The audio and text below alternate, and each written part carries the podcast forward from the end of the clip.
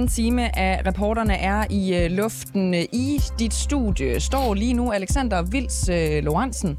Det gør jeg, og øh, ved siden af sidder Cecilie Lange. Nej, skal vi ikke blive ved med det, ligesom Så at er præsentere hinanden? alt jo, som det plejer. Ja, lige lige præcis. Cecilie, senere øh, på morgenen, faktisk om en t- 10 minutters tid, så taler vi med Bent Juhl Sørensen. Han er gårdejer fra Fyn. Han er Danmarksdemokrat, så stiller han op til Folketinget.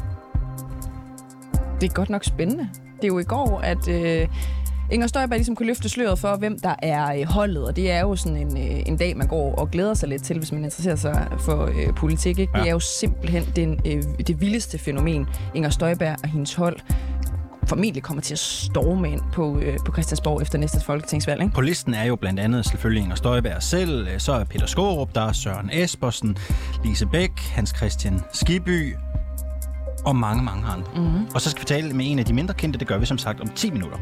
Velkommen ind for her hos øh, reporterne med Alexander Vils Lorentzen og Cecilie Lange. Alexander, det er nærmere reglen end undtagelsen, kan man sige, at store, dyre anlægsprojekter de bliver forsinket. De bliver også ofte øh, dyrere end det, der egentlig oprindeligt var øh, budgetteret med. Etableringen af IC4 og supersygehusene og ikke mindst øh, letbaneprojekterne har været genstand for massive forsinkelser over de seneste årtier. Men nu skal vi faktisk tale om noget så sjældent som et anlægsprojekt, der rent faktisk er færdig før tid. Til øh, december der er der nemlig øh, tre spor mellem Lillebæltsbroen og øh, til Odenses øh, første afkørsel mod øh, vest. Det er altså et år før, at den her strækning skulle være øh, færdig. Nu kan byde velkommen til dig, øh, Robin Højne Madsen. Godmorgen. Ja, godmorgen. Du er projektchef i, i Vejdirektoratet med ansvar for udvidelsen øh, på Fyn. Øh, Robin Højen Madsen, det nærliggende, det, det er jo at spørge, hvad er der lige sket, øh, siden I kan gå ud og sige, at projektet det er simpelthen færdigt før tid? Altså, det er jo et godt samarbejde med vores entreprenører derude. Øh, det betyder alfa og omega for, om et projekt det lykkes. Og, og så er det også det, at øh, vi er jo ikke en engangsbyg her. Øh, Vi har lavet det her flere gange, og, og dermed har vi løbende fået en meget stor erfaring i at, at udvide motorvejen. Ja, så I er skide gode til jeres øh, arbejde, er, er i virkeligheden det, du siger her. Jeg er sikker på, at, at nogle bilister måske vil give mig ret i, at, at der har været øh, et helvede at køre på den øh, vestfynske motorvej med øh, køer, hastighedsnedsættelser osv. osv. Øh, det er jo øh, ikke få år, det har stået på, kan man sige. Det er faktisk ret øh, mange. Er der reelt set tale om, at I er færdige før tid? Øh, det er jo nemt at gå ud øh, og, og sige, når, når man i virkeligheden måske bare kunne have været færdig for flere år tilbage. Ja, men altså, det kan du ellers sige, men det, det vi også siger her, det er jo, at vi gør nogle delstrækninger færdige, som gør det lettere for trafikanterne, så de er, altså det, vi har i fokus, det er jo selvfølgelig trafikanterne, at de kan komme til at udnytte vores øh, motorvej øh, så hurtigt som overhovedet muligt, når vi har dem gjort færdige. Og, og det er jo det, der sker derude, at vi skal jo stadigvæk ud på strækningen ude på Vestfyn næste år og lave de sidste slidlag, men det, at vi kan gøre en delstrækning færdig yderligere år, det er jo det er, det er jo til fordel for trafikanterne. Øhm, lige her til sidst, ikke, inden, vi, inden vi slipper dig, øh, så håber vi, du vil være med til sådan et lille eksperiment, øh, kunne man kalde det. Øh, fordi lige nu så er der jo øh, sygehuse, der er forsinket, og der er en ny øh, letbane, der også lader vente på sig. Øhm, kan vi på en eller anden måde lave fem gode erfaringer, som I har gjort jer, øh, som vi på en eller anden måde viderebringer så til for eksempel Københavns letbane, øh, så, så de har nogle gode øh, råd at gå efter? Ja, altså et, altså nu ved jeg ikke, hvordan de, de kører de der projekter der, men et er jo, at det, det vi lægger meget vægt på, det er jo det samarbejde, vi har med vores entreprenører og rådgiver, og sådan set også kommunerne.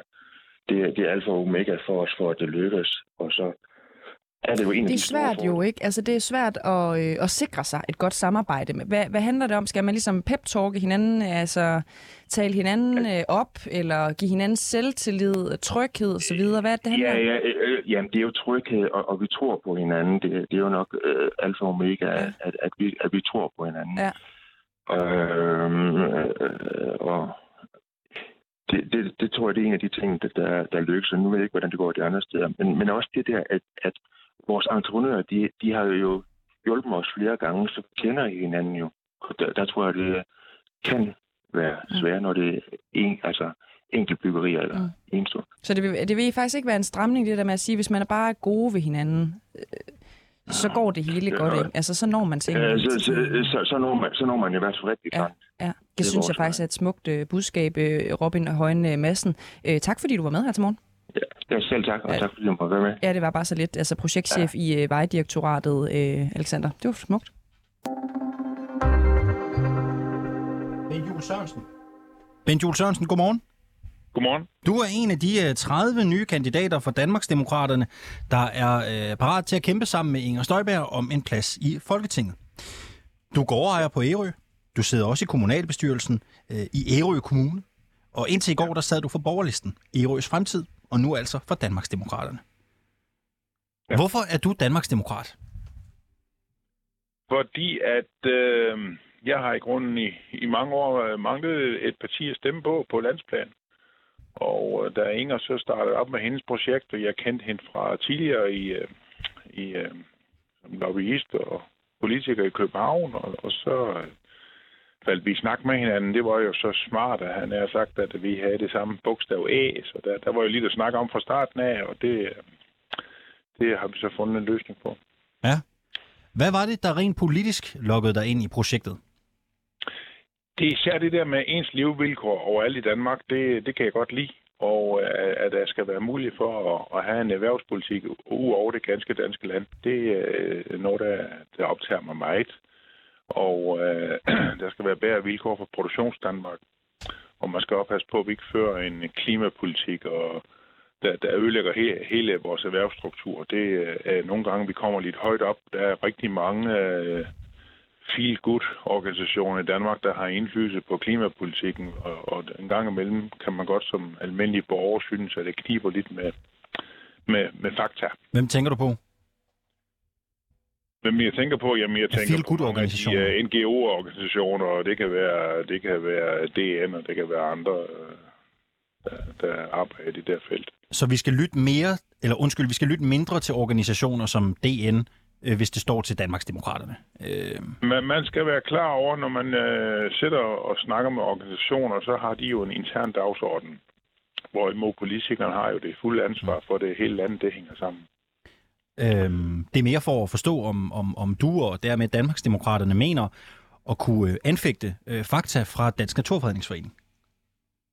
Det vil vi givetvis kunne på, på enkelte områder, men øh, Hvilke? det er mere med, at politikken skal hænge sammen. Det kan ikke hjælpe, man, man, man, man lige, lige pludselig nu, nu er det blevet sådan, for det halvt år siden, der var der no-go at fyre med træ i Danmark og flis og hvad ved jeg. Mm. Mm. Nu har energipolitikken jo ændret sig, og alting er blevet rasende dyrt, og lige pludselig er det måske godt nok at fyre med træ igen. Vi er nødt til at have de der ting i en større sammenhæng, så vi ikke bare smiger tingene væk hele tiden for at få noget andet. Mm-hmm. Kan du nævne andre øh, sådan fakta fra organisationer som Danmarks Naturfredningsforening, som du og ikke, Danmark, som du og det, Danmarksdemokraterne... Det er, ikke kun dem, øh, nu nævner jeg bare lige dem øh, som et eksempel. Der, der er mange andre organisationer, der har mange forskellige dagsordner. Hvem? Og, jamen det vil jeg ikke. Jeg vil ikke hænge nogen bestemt ud for det. det, sådan skal det. Jeg skal kunne arbejde sammen med alle. Men Mm. vi er nødt til at have sådan, at, at, at, at der også kommer lidt sund fornuft ind i det. Og det har vi i Danmarksdemokraterne også... Øh, også en klar profil om, det skal kunne forstås. Det, det, er ikke, det er ikke nok, det kan forstås op ad Øresundskysten, når der kommer et forslag. Det skal også kunne forstås over på den jyske vestkyst. Øh, Du har jo givetvis haft nogle drøftelser med Inger Støjberg om politikken. Det kan man jo i hvert fald høre i det her interview. Blandt andet erhvervspolitikken går du op i. Øhm, hvad kan vi forvente af Danmarksdemokraterne øh, erhvervspolitisk? I kan forvente, forvente, at vi er arbejdstøjet. I kan forvente, at vi vil have ens erhvervsvilkår overalt i Danmark. Og øh, vi vil selvfølgelig også kigge på de øh, manglende ressourcer, der er med arbejdskraft rundt omkring lige i øjeblikket. Der er flere ting, man kan, kan gøre ved det. Hvad, for eksempel? For, for at hjælpe det vej. Ja, det kan jo være nogle skatforhold. Det kan være med at få nogle rekruttering inden for udlandet. Der, der kan være mange ting, som man kan gøre erhvervsvilkårene nemmere for. Så vi, enkelte. så vi siger i Danmarksdemokraterne ja til mere udenlandsk arbejdskraft. Det sagde jeg vist ikke, men jeg sagde, at vi kunne godt få hjælp inden for udlandet, ja. Men det er ikke det samme som at sige ja til mere udenlandsk arbejdskraft. Det kan det være i nogle tilfælde, ja. Altså, hvis man Okay. står og mangler hænderne, så i en Lollands Kommune, der vi have, hjælpere inden for Spanien i går, så det, det er jo i, god gringe, kan man sige. Ja, og det er en god idé. Hvis der mangles arbejdskraft, så er det altid en god idé at, at få noget hjælp et sted fra. Okay. okay. Alternativt det er jo, at man lukker ned. Hvad med... Øh, Som jeg også nævner, så kan man jo godt øh, kigge lidt på skatteforholdene også. Det kan være, at nogle gange kan man jo få folk til at arbejde lidt mere, hvis, hvis, hvis øh, der sker nogle øh, justeringer på skatteforhold. Og, Hvad kunne det være, for eksempel? Hvilke justeringer? ja, vi har for eksempel tænkt, at, at øh, i dag er øh, en, en, en, et ung menneske, som i mange tilfælde har lyst til at arbejde, øh, er jo lidt begrænset, hvis man får SU, hvor meget må- man må tjene. Det kunne være, at vi skulle øh, løsne lidt op der, så sige, lad dem bare arbejde på fuld kraft. Ja. Hvad, hvad tænker du så, grænsen skulle være? Ingenting. Okay, så man fjerner simpelthen grænsen for, hvor meget man må tjene, mens man er på SU. Det, er- det er sådan, jeg tænker det. Det, det, det skal vi selvfølgelig have regnet på, men det er lige noget, jeg tænker lige nu. Okay. Og det er, det er Danmarks øh, demokraternes politik, eller er det bare noget, som du godt kunne tænke dig at få igennem? Det er jo noget, jeg godt kunne tænke mig, ja. Ja, okay. Alright, alright. Øhm, det er jo interessant, det du siger, ikke? Fordi Inger Støjberg selv øhm, siger jo også, at hun ikke er bange for øh, skattelettelser i toppen. Hvad tænker du om det? Jamen, det skal jeg se et regnstykke på. Det, jeg har ikke set regnstykket endnu. Vi, vi mødes øh, hver dag næsten og snakker om de her ting, så det, der, der skal vi lige have dykket lidt mere ned i det. Okay, alright. Øh, I står jo til, hvis man skal tro meningsmålingerne, og få et godt valg. Øhm, det kan også være, at det betyder, at du får et øh, sæde på Christiansborg. Hvad bliver din mærkesag? Jamen, jeg vil kigge lidt på de øh, fynske forhold. Nu stiller jeg op i Fyns Storkreds, og øh, vi øh, snakker lidt om forskellige ting. Øh, vi er kandidater på Fyn. Øh, måske skulle vi have kigget lidt på Storbæltsbroen, hvad det koster at komme over, og, og måske skal Storbæltsbroen ikke spændes for andre projekter. Altså, lad os nu få den betalt færdig, og så lad os få prisen sat ned. Skal det på sigt være gratis at køre over Storebæltsbroen? Ej, det bliver vel ikke gratis. Der er nok noget af det her daglig drift af Storbæltsbroen, der skal, der skal krasses ind i stedet. Okay, Men, så øh, træerne vokser ikke ind i himlen. Vi skal stadig betale for at komme over broen. alting koster jo penge i det her land, men øh, det er jo ikke sikkert, at vi skal lade Storbæltsbroen betale for Femern-forbindelsen og, og mange andre ting, som man har Hvad skal vi gjort. så gøre i stedet for? så skal Storbæltsbroen bare betale for sin egen drift, og så bliver prisen jo sat ned der. Så, så er der kommer der en ny trafikforbindelse, hvor der mangler penge, så kan man jo betale der. Ved du hvad, øh, jeg havde faktisk ikke regnet med, at vi ville få øh, sådan decideret politiske udspil og tanker på bordet i det her interview. Det var fascinerende. Tak fordi vi måtte tale med dig. Velkommen. Bent Juhl Sørensen var det altså her. Han er folketingskandidat for øh, Danmarks øh, Demokraterne. Der var jo flere ting her, der var spændende. Det kan vi følge op på. Mm. Og se, om, øh, om det ligesom er øh, den gængse holdning ude i det Danmarks demokratiske bagland. Bent Juhl Sørensen stiller altså op i Fyns Kreds, og er altså folketingskandidat for Danmarks Demokraterne. Når en øh, kvinde skal i fængsel og er gravid eller har et lille barn øh, derhjemme, så anbringer man ofte barnet i cellen sammen med øh, mor, mens hun øh, afsoner sin straf. De sidste fem år der er 16 børn blevet medbragt, øh, når mor er øh, kommet i fængsel her i øh, Danmark. Det viser tal, som vi her på reporterne har søgt øh, indsigt i gennem øh, Kriminalforsorgen. Og tallene, jeg nævner her, de tæller altså ikke de børn, som er blevet født i fængslet. Et af de børn, det er bordeldronningen, som øh, mange kalder hende, øh, Rihanna Vajits, øh, nu 6 måneder, undskyld, 8 måneder gamle øh, søn. Han blev født i fængslet og kan nu se frem til at bruge de næste mange måneder af sit liv i cellen sammen med sin mor. Øh, Rihanna Wajid er øh, varetægtsfængslet for at drive 27 øh, bordeller, hvidvaskning for millioner af kroner, og dokumentfalskneri, øh, øh, hvor øh, udenlandske kvinder blev flået til øh, Danmark under covid-19 for at sælge sex. Hun afventer sin dom og skal for landsretten i slutningen af november. Vores øh, reporter Camilla Michelle Mikkelsen har talt med Margrethe Brun Hansen, som er børnepsykolog og som blandt andet har speciale i samfundsforhold, familieliv og øh, kriser. Og der er særligt en ting, som hun finder meget bekymrende, når vi taler om øh, de børn, der lever med deres mor i dansk arresthus eller fængsel.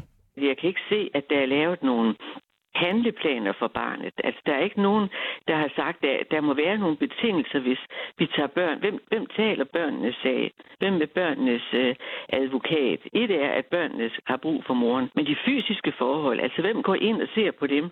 At barnet får den stimulering og de oplevelser, de skal have. Hvor, hvad er det for nogle øh, regler, love, der er lavet, set ud fra barnets synspunkt, så barnets tag bliver til gode taget. Det der med, at børn bliver født ind i et øh, fængsel, ikke? der er ligesom heller ikke lavet noget rigtig lovgivning omkring, hvad, hvad, hvad, hvad gør vi med børnene? Altså, det er også noget med tilsyn. Altså, det, det er også interessant for mig, hvem der tager tilsyn med barnet. Går det offentlige ind? Man har ikke nogen sådan speciel holdning i Danmark. Indtil barnet fylder tre, kan de ligesom godt være i fængsel, og derefter så skal man så søge en særlig tilladelse til at beholde ja. barnet i en institution eller i arresten. Ja, ja. Men hvis det er det bedste for barnet, altså nogle ganske særlige omstændigheder, så kan man godt blive der efterfølgende. Moren har fået en dom, og den skal hun selvfølgelig klare. Den skal afregnes, ikke også? Sådan er livet. Men øh, vælger vi at sige ja til at tage børn ind i fængsel, eller lader, lader vi moren føde et barn, så må der da også være en lovgivning, altså den der hensyntagen, der skal være til, øh, hvad kan vi byde et barn, når det kommer i fængsel. Børnekonventionerne der står jo simpelthen meget tydeligt med hensyn til barnets tag, at alle foranstaltninger vedrørende børn, der udøves af det offentlige eller det private institutioner for social velfærd, domstole, længere varer og organisationer, der skal barnets tag komme i første række. Hvis man skal efterleve børnekonventionerne, så skal man jo sige, så skal vi have nogen, der går ind og ser, om barnets tag er til set. For lever de under ordentlige forhold i fængslet, til at de udvikler sig, som de skal, får de den øh, øh, psykologisk støtte, bliver de stimuleret. Hvad frihed har barnet ved at være i fængslet? Det kan jeg bare ikke finde noget om. Hvis vi nu går ud fra, at denne her handlingsplan, den er der altså ikke nødvendigvis, fordi der er ikke en lovgivning, der siger, børn, som sidder med deres forældre i fængsel, de skal have en handlingsplan. Rihanna, hun har jo siddet der et år og otte måneder. Ja. Barnet er otte måneder nu. Ja. Hun skal måske være over tre år i fængslet. Hun er i hvert fald ja. dømt til tre et halvt år. Den er så blevet anket med håbet om fra anklagers side, at hun kan få 5-6 år. Hvad betyder det for et barn, hvis et barn skal følge hende inde i fængslet, og der ikke er en handlingsplan for det her barn? Vi overlader os børn til ingenting. Altså, vi lader skæbnen råde. Vi øh, siger, at barnet skal straffes lige så meget, som moren skal straffes. Et er, at moren skal have sin straf, men barnet har jo ikke noget med det her at gøre. Barnet er jo et selvstændigt individ, der har sine egne rettigheder. Så det er jo på mange måder omsorgsvigt, at man ikke ser, hvad er barnets ret her, altså rent juridisk, ikke også? Men også, hvad er de menneskelige konsekvenser for et barn, når det kommer i fængsel? Hvad kan vi tilbyde den? Der skal jo laves en handleplan. Det er meget enkelt at sige, at vi laver en regel, det til sådan og sådan ud. De kan klare det i tre år, og hvis det bliver ud over det, så finder vi en plejefamilie. Så har man jo allerede jokket lidt i spinaten ved at sige, jamen øh, nu lader vi moren danne en nær tilknytning til det her barn. Barnet ser ikke ret mange andre mennesker end hende. De er fuldstændig afhængige af hinanden, og de lever i lidt ustimuleret. Jeg ved ikke, hvor godt fængsler har taget af dem med stimulation og oplevelser ud i naturen og lyde og sådan nogle ting. Men nu tager vi hende så fra moren, det går jo ikke. Vi må lave nogle regler og normer for nogle øh, holdninger til, og det skal ikke være laveste fællesnævner. Det skal være de bedste vilkår, så det barn har mulighed for at få et godt liv. Noget af det, Rihanna hun skriver til mig i sin breve, det er, at der er gårdbesøg en gang om dagen, men det er ligesom sådan en boks, altså det er ikke grønne arealer. De er alene i størstedelen af døgnets timer, hende og barnet. Op til 23 timer i døgnet, fortæller hun. Og så siger hun, at barnet har jo fået kronisk astma nu, og hun formoder, at det er på grund af cellens forhold. Jeg ringede til Jyderup Fængsel i går for at spørge, hvordan forholdene var. De kan ikke fortælle mig præcis, hvor stor cellen er, men den er mellem 8 og 15 kvadratmeter. Det her med gårdbesøg, det er rigtigt. Det er ikke grønne arealer. Det er en time om dagen i den her boks, et afhegnet areal. Og så er det rigtigt, at man godt kan være alene op til 23 timer om dagen. Med barnets tavle mente, hvad betyder det her så? Hvad er det for et socialt liv, det barn det får? Hvad får det af stimuli? Altså, når du begynder at blive 9-10 måneder, der begynder de jo at køre omkring, og de små, og gå ud og opleve verden. De begynder at indøve at være lidt væk fra mor, blive væk og komme tilbage igen. Det er jo meget svært i en lille celle det er også svært, for eksempel for et lille barn, allerede når de nærmer sig etårsalderen, der begynder de jo at danne sprog. Det gør de allerede som 9 måneder og 8 måneder. Men den måde, de danner sprog på, det er jo, hvis du sidder ude i haven, og træerne, de rasler lidt, så peger den lille op. De kigger over på moren og kigger igen. Og det, det er sådan det første sprog, ikke? At de oplever, at sådan lyder blade. På den måde danner de sprog. Der udvikler de sig. Der lærer de lyde. At så lyder en kaffemaskine, når den går i gang. Sådan lyder en bil. Der kan man jo spørge sig selv, hvor meget har fængselsvæsen tænkt på, at det barn får af stimuli sammen med sin mor. Det får de samme stimuli, som moren får jo, som er at være fængselsindsat, og der får du en cementgård og et hegn. Men vælger at give barnet den samme straf for et indtryk og følelser. Fordi jeg ved, dem der i fængsel vil jo også savne havet og savne sandet mellem knætræerne og sådan noget. Men de tager så en straf, fordi nu har de gjort noget, de ikke må. Sådan gør vi i Danmark. Men barnet har jo ikke gjort noget. Og det er der, jeg bliver meget bekymret, hvis man siger, at et barn kan sagtens leve i et fængsel i øh, tre år, og så kan, er det ligesom glemt, når de går ud der. Nej, der er en masse færdigheder, som det barn ikke har tilegnet sig. Det her det er kun stimuli, når jeg snakker om det. Det er også motorik. Øh, deres motorik må blive øh, begrænset i hvert fald i forhold til at være et normalt, normalt barn, som kommer ud og oplever verden. Hvad vil de bedste forhold så være, for at barnet skal have så god en oplevelse som muligt og være okay igen på den anden side, når de kommer ud en dag? Det er jo virkelig svært spørgsmål, ikke også? Fordi det, der er, er vigtigst, det er jo at sige, at vi må se det her ud fra barns synsvinkel. Når jeg hører, at den lille dreng har astma, for eksempel, så har jeg jo lyst til at sige, hvor er sundhedsplejersken henne? Hvem kommer og tilser dem en gang om måneden, eller hver tredje uge, eller hvem kommer og er kontaktperson for det lille barn, så man sørger for, at det barn har det godt? Det dur jo heller ikke. Det, der er for problemet, det er, at vi i Danmark har nogle børn, der bliver født i fængsel, men man har egentlig ikke tænkt sig, hvad gør vi ved det? Der bliver man nødt til at lave en ny lov, som hedder, hvis en bliver fængslet og har et barn med, eller føder et barn, hvad gør vi så? Og der vil jeg foreslå ordentlige boforhold, tilsyn, at barn kan komme ud i naturen og kan ud og opleve, hvordan det er. Og der må man så indrette nogle få institutioner. Der er så få åbenbart, der tager deres børn med, og som føder i fængslet, at man bare et sted i Danmark faktisk kunne lave et rigtig godt sted. Og hvis barnet nu ikke får kontakt med andre mennesker, får sanseindtryk fra enten græs, blade, opvaskemaskiner, dørtrin osv., hvilke konsekvenser har det så for et barn, hvis vi ikke tilbyder de her ting? Børn, som har levet i isoleret miljø og godt nok med deres mor til rådighed, ikke også? men de bliver jo et meget øh, kulturelt, intellektuelt fattig, og det er ikke nedladende over for en mor. Vi kan bare ikke det hele. Altså, vi kan ikke erstatte naturen og andre menneskers sociale liv og glæden ved at have en lille ven, der står og venter på en nede i børnehaven. De bliver stimulisfattige, og de bliver understimuleret, og de får, jeg vil kalde det omsorgsvigt. Det vil jeg simpelthen. De vil opleve omsorgsvigt, fordi de er ikke på grund af kærlighed fra moren, men fra samfundet. Med det vi ved om Rohannas og sådan en situation lige nu, kan man så sige, at den danske stat svigter hendes 8 måneder gamle søn? Altså svigter Danmark barnet i det her tilfælde?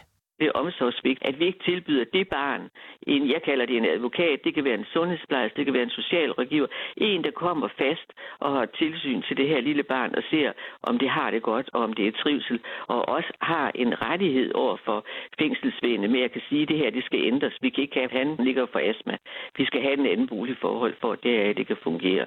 Hvis ikke man etablerer det, så er det omsorgsvigt. Og jeg tror simpelthen, måske fængselsvæsenet og hele det jurasystem skal sætte sig ned og sige, det er en lille gruppe, ja, men det er faktisk lige så vigtigt, at de børn får et godt liv og kommer til at vokse op. Ellers at de taber i samfundet, og det bliver svært for dem at begå den. De mister nogle ting. Så ja, jeg synes, det er omsorgsvigt fra det offentlige side. Og det står der, når man læser i børnekonventionerne, at der er det øh, barnets tag, der kommer først. Og i det, der sker i øh, Jyderup, det er jo, at der er det morens tag, der bliver taget hensyn til.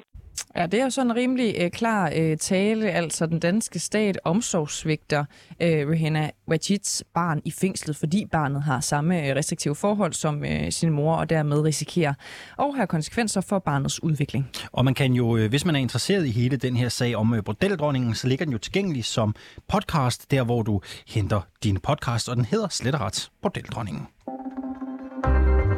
Alexander, nu talte vi jo lige med en øh, Danmarks øh, demokrat for ganske få øh, minutter ja. siden og blev en lille smule klogere på politikken der. Det var ret spændende.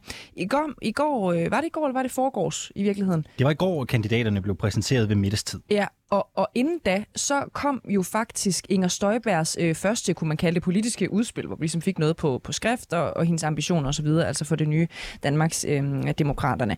Inger Støjberg øh, vil med sit parti øh, give danske familier ni ugers ekstra barsel, som forældrene kan øh, fordele frit imellem sig. Og derfor så kunne man også godt øh, friste til at sige, at det virker som om, at Inger Støjberg og Danmarks nye statsministerkandidat Søren Pape Poulsen, de har en fælles dagsorden. Mm-hmm. Øh, Nemlig den her modstand mod de nye barselsregler, som jo altså trådte øh, i kraft tilbage øh, den, den, den 1. Øh, august, altså lige for et par uger siden. For nylig, der skrev Søren Pape nemlig et særligt sådan skræmmebillede, øh, som han mente udspillede sig på landets øh, fødeafdelinger efter de her nye regler. Han skrev sådan her ind på sin Facebook. Flere gravide har spurgt, om fødslen kunne blive sat i gang, så de nåede at føde senest kl. 23.59 i aftes, altså den 29. juli. Det har en fødselslæge selv fortalt mig. For ved midnat trådte de nye regler om barsels tvangsfordelt barsel i kraft, så er barnet ikke født, ja, så er det dårlige nyheder. Og det har vi kigget lidt på, det her øh, statement, øh, fordi det passer ikke helt overlæge Anne Mette Vilfang Lykkebo fra sygehus øh, Lillebælt, øh, hun understreger, at de få eksempler, som hun kender til, det som Pape altså henviser til, det har været forældre, som i forvejen havde et planlagt kejsersnit, og altså ikke gravide, der har bedt om at få deres øh, ikke planlagte fødsler sat i gang. Så det havde Pape altså ikke helt styr på. Vi har også lige forsøgt at spørge landets fødeafdelinger, om de kan genkende Søren Papes fremstilling af situationen på landets fødeafdelinger. De skriver faktisk til os, at der har været enkelte, som har forespurgt det her, altså de, i forbindelse med, at de skulle have deres øh, kejsersnit mm. øh, rykket, men at det overhovedet ikke er noget, der har fyldt øh, generelt. Så spørgsmålet er jo, om Pape bevidst eller ubevidst er kommet til at skrue en lille smule på retorikken for at få den til at passe til sin egen politiske dagsorden. Ikke? Mm-hmm. Hvad synes du, er det inden for rammerne at tegne det her billede af, af fødeafdelingerne, selvom at, ja, så er det måske et enkelt tilfælde, han de har hørt om, ikke? Ja, det, det, er vel, det, det er vel almindeligt politisk kommunikation, ikke? Så har jeg vel ikke sagt for meget. Nej. Jeg tænker, det er sådan, det er, ikke? Cecilia, øh, lad os lige tage et øh, hurtigt øh, overblik øh, på nogle af de historier, der fylder, øh, men som ikke fylder så meget hos os ja. her til morgen. Det har været intenst varmt i Danmark i øh, det sidste lange stykke tid, faktisk siden slutningen af sidste uge. Øh, hvordan har du haft det i varmen? Ja, jeg er faktisk ikke særlig god til sådan øh, ekstremt høj varme. Jeg, jeg vil godt have de der maks 24 grader. Ja, præcis. Jeg har det fuldstændig på samme måde som dig. Men så er der gode nyheder, fordi alt tyder på, at den hedebølge, der har været over Danmark, faktisk slutter i dag. Okay. Det kan man jo også godt måske lidt fornemme, når man går ud af døren. Ikke? I hvert fald her i hovedstadsområdet, der regner det, det regner, her ja. øh, til morgen. Men hedebølgen lader altså til at slutte øh, med udgangen af i dag, og så bliver det altså lidt øh, køligere temperaturer, vi, øh, vi kan forvente i øh, de kommende dage. Det var sådan en udvidet øh, vejrudsigt her hos Alexander Vils Lorentzen. Jeg tænker i hvert fald, det er vigtigt. Fordi øh, jeg har bandet den der varme væk. Det kan være, at der er andre, der også har gjort det. Ja. Jeg skal faktisk til en grill, en, en havefest på, på lørdag, så, så jeg kunne måske godt have haft, at det fortsat lidt endnu. Men, øh, men 30 grader, det er der ingen. Vi krydser fingre for, at øh, det dog trods alt alligevel bliver øh, godt vejr øh, på lørdag. Ja. Øh, I øh, en helt anden øh, del af verden og i en helt anden øh, stof, øh, et helt andet stofområde, øh, er der jo massiv opbakning til Salman Rushdie. Ja. Salman Rushdie blev jo i sidste uge overfaldet, mens han var i gang med et oplæsningsarrangement i øh, New York. Øh, lige nu der er der sådan en massiv øh, opbakningsbevægelse øh, i gang omkring Salman Rushdie. Øh, mange anerkendte forfattere er nemlig øh, lige nu ude at støtte ham ved at læse hans værker højt. Øh, forfattere som blandt andet øh, Paul Auster, hvis det siger der noget. Mm. New York-trilogien øh, blandt andet. Øh, de øh, samles her fredag morgen øh, ved The New York Public Library for at læse op af Salman Rushdies værker. Det er et arrangement, der hedder Stand with Salman, eller Stå med øh, Salman. Øh, det er The Guardian, der skriver om det her arrangement, og det er, de omtaler det øh, altså også. Salman Rushdie, han er 75 år, som sagt. Ikke? Han blev i fredags stukket ned, øh, og han blev stukket i hals- og mave-regionen, da han blev angrebet af en øh, mand. Han er i bedring, og ja. han, han overlever, han er, er stadig på øh, hospitalet. Interessant er jo også, at efter det her skete, Cecilie, så er hans øh, værker jo steget til op på bestsellerlisten igen. Ja. Særligt de sataniske vers, ikke? Ja. som er det mest øh, omtalte værk, Salman Rushdie har skrevet. Det er jo sådan en lidt forfærdelig øh, ja, anledning, at, øh, at bogsalget pludselig går øh, mm. rigtig godt igen. Ikke?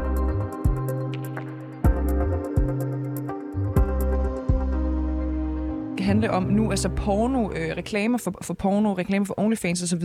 Øh, på Twitter, hvor det jo øh, foregår i stor stil øh, faktisk. Fordi modsat alle mulige andre sociale medier, som for eksempel øh, Instagram, hvor man jo ikke må vise øh, kvindelige bryst, hvor der for eksempel uden at billederne de bliver taget ned, og profilerne de, øh, de bliver lukket, så har Twitter det helt øh, øh, modsat. Altså her skal alt være frit, det er ok med nøgne mennesker, øh, og det er også ok at streame øh, porno. Øh, Christian Mogensen, han er specialkonsulent ved Center for Digital Pædagogik, og han forklarede til vores kulturprogram her på 24 det er det, der hedder Babylon. Han forklarede dem i går, at det er ganske almindeligt med porno på Twitter faktisk. Twitter kom jo på markedet i 2006 og begyndte at slå igennem sådan i årene efter. Øhm, og har fra starten været åbne omkring, at øh, de kom ind på et marked, hvor der allerede var et par store spillere. Øh, så de skulle finde noget, der var særligt for dem, og det var selvfølgelig i dengang 140 tegn, i dag er det 280. Men det var også nogle lidt mere åbne grænser for, hvilke billeder og hvilket materiale man gerne ville lægge serverplads til. Hvor stor er den her subgenre på, på Twitter? Men den er ikke så stor. Altså det, det der egentlig fylder mest øh, af pornografi på Twitter, det er ikke sådan øh, altså øh, pornokanaler, der, hvor øh, ting bliver streamet, ligesom på for eksempel Pornhub eller RedTube eller de andre, du nævnte. Det er mere, at kunstnere eller brands eller kreatører har en kanal, hvor man kan gå ind og følge dem personligt. Det kan du også på så mange andre sider, men der skal man lige igennem et par øh, et par forhindringer. Først, man skal lige sådan kigge lidt rundt omkring, hvorimod Twitter er jo meget personbunden, så det er mest en del et sted, hvor kreatørerne øh, dyrker deres fanbase. Hvad vil det sige? Hvad er det så for noget indhold, som, øh, som jeg kan finde af porno på Twitter? Det er jo mest en del øh, billedmateriale og så GIFs, altså øh, små, korte videosekvenser, øh, oftest uden lyd. Det er mest noget, som bliver brugt af, i sådan en kategori af smagsprøver. Altså, nu sidder jeg og laver gåser i radioen, mm. men det er mest tænkt som noget, der skal trække noget trafik over på nogle andre sites, typisk nogle sites, hvor der er noget betaling. Øh, I de her dage, der er det meget ofte OnlyFans eller tilsvarende sider, som øh, kunstnerne så linker videre til fra deres gratis Twitter. Nu siger du uden lyd. Hvorfor er lyd faux på, på Twitter, når det kommer til porno? Det øh, det er det som sådan ikke. Altså, det, må, det må jo gerne ligge der. Øh, men de fleste bruger, et, bruger ikke Twitter som et, nu sætter jeg mig ned og ser porno, og det gør jeg allerbedst på Twitter. Men det er en del af et Twitter-feed, hvor de fleste jo bare sidder og scroller igennem, læser den tekst, der er, måske lige kigger de billeder, der er. Øh, og så håber kunstnerne, at man bliver inspireret til at gå over på nogle mere dedikerede sites, hvor man kan se nogle længere videoklip i højere opløsning og surround sound og øh, 16.9-formater og alt muligt andet, men også hvor de kan tjene penge på det. Det gør de ikke på Twitter. Bliver folk så inspireret til at hoppe videre på andre øh, platforme? Altså jeg mener, har udbyderne held med at få, få folk videre fra Twitter over på, på deres andre platforme, hvor man kan se mere? Jeg har ikke nogen øh, tal for det. Jeg ved ikke, hvor, hvor godt det lykkes, altså hvor høj deres conversion rate er. Men de bliver ved med at gøre det. Øh, og så vi må regne med, at øh, altså, der må være noget bevægelse i markedet, fordi ellers så var de stoppet med det. Vi har både Facebook og Instagram, som er ret bonerte medier, medier som siger nej til, til brystvorter, de siger også nej til porno. Hvorfor tillader Twitter nøgenhed og porno på deres platform? Jamen, måske netop derfor. Øh, fordi at de store sådan, skal vi kalde dem seriøse platforme, dem der i hvert fald har levet lidt mere end bare et år, altså Facebook, Instagram, YouTube øh, og også Twitter, de andre censurerer, de andre modererer, de andre sørger for, at der er pænt og ryddeligt, og at øh, altså, der er ikke nogen, der bliver stødt.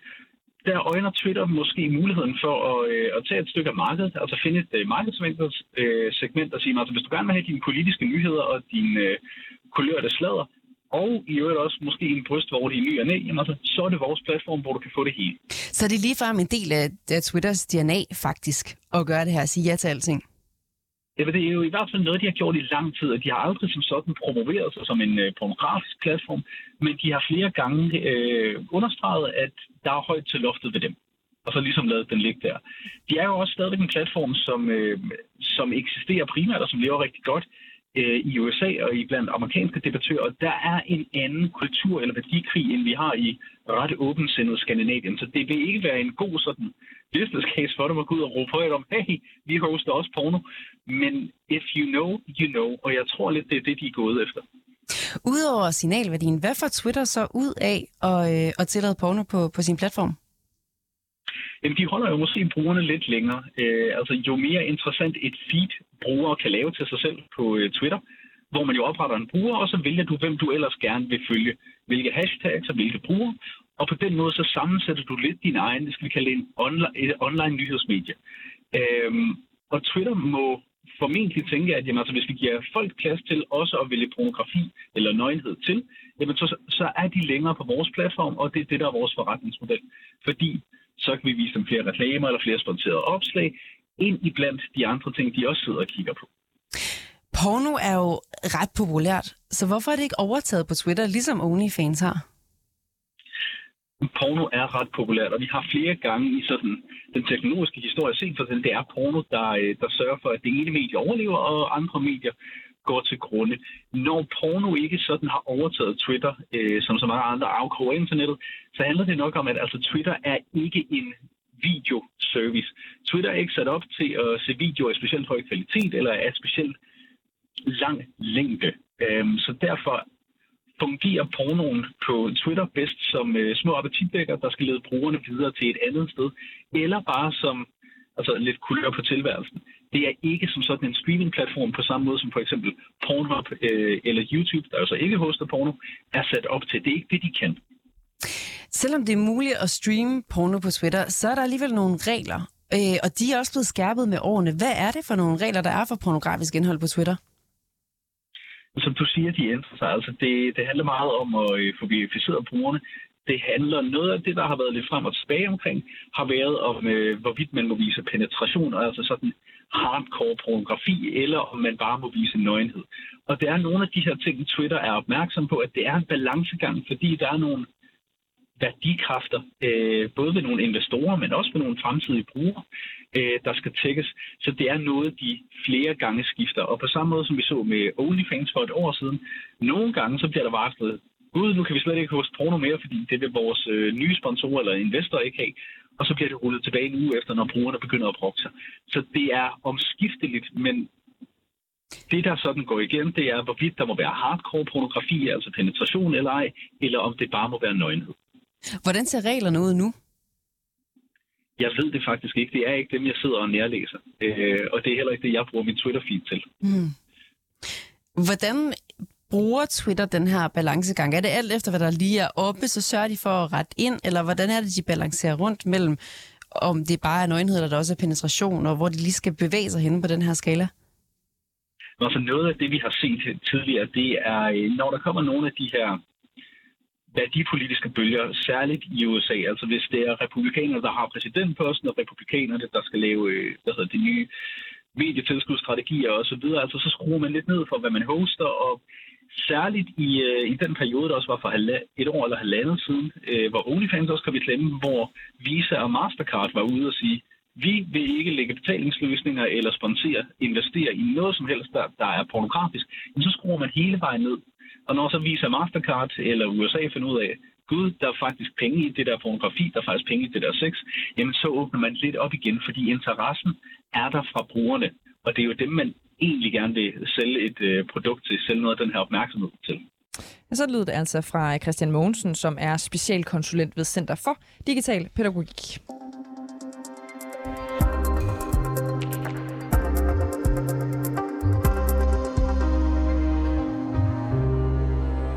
Og det var også øh, sidste indslag i øh, dagens udgave af øh, reporterne. Øh, Cecilie, lad os, øh, lad os lige sige, at hvis man øh, sidder derude og har øh, idéer til ja. ting, som vi skal tage op her i øh, programmet, ja. så er man jo øh, altid velkommen til at øh, skrive til os. Ja. Det kan man gøre på den mail, der hedder øh, reporterne, snabelag 24 det er 24, og så syv.dk. Mange af vores gode historier kommer jo fra øh, henvendelser fra jer, der sidder derude og lytter med. Øh, blandt andet hele afdækningen af øh, skandalerne i øh, børneområdet i Langeland Kommune. Ja.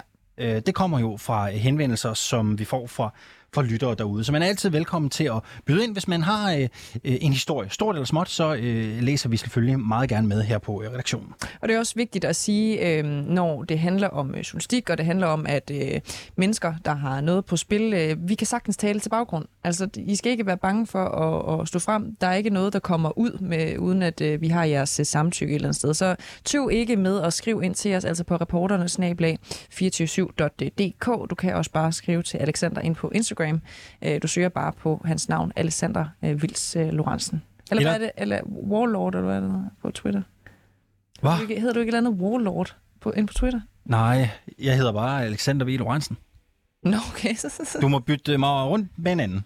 nu kigger jeg altså lige. Ja, øh, imens så kan jeg sige, at vi er jo ved at øh, bevæge os mod enden på en øh, morgen, hvor vi øh, blandt andet har talt med Bent Juhl Sørensen. Han er gårdejer fra Ærø, og indtil i dag indtil i går, så var han altså på den lokale borgerliste i Ærø Kommune. Nu er han øh, kandidat for Danmarksdemokraterne. Han stiller op til Folketinget og er altså en af de 30 kandidater, som Inger Støjberg i går præsenterede som øh, ny øh, MK, der øh, satser på at få en politisk karriere på Christiansborg for øh, Danmarks øh, Demokraterne. Spændende at høre hans politiske tanker og hans øh, politiske idéer. Øh, vi kommer selvfølgelig til at følge op og øh, spørge andre kandidater for Danmarks Demokraterne, hvad de sådan ligesom er faldet for rent politisk i det nye parti.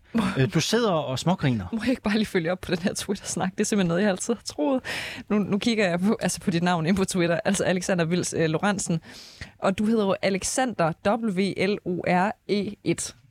Og jeg har altid tænkt, at det var sådan, du har tænkt, at det var lidt sjovt, at det var sådan sejt, at du hedder Alexander Warlord. altså Warlord, du ved, ligesom... Øh, Du har alt for meget tid til at tænke over tingene, må vi jo World konkludere. of Warcraft eller Ja. et eller andet. Jeg tror måske, du var sådan tidligere gamer eller et eller andet. Nej, jeg, jeg har aldrig... Så du bare aldrig havde fået ændret dit navn. Nej. Oh, Tænk, du kunne jo bare være kommet og have spurgt mig. Men jeg er da glad for, at jeg er da glad for, at vi ligesom kan fejre den af banen nu, Cecilie. Efter al den undren i så længe. Den tid. Ja, nå, det var hyggeligt, Alexander.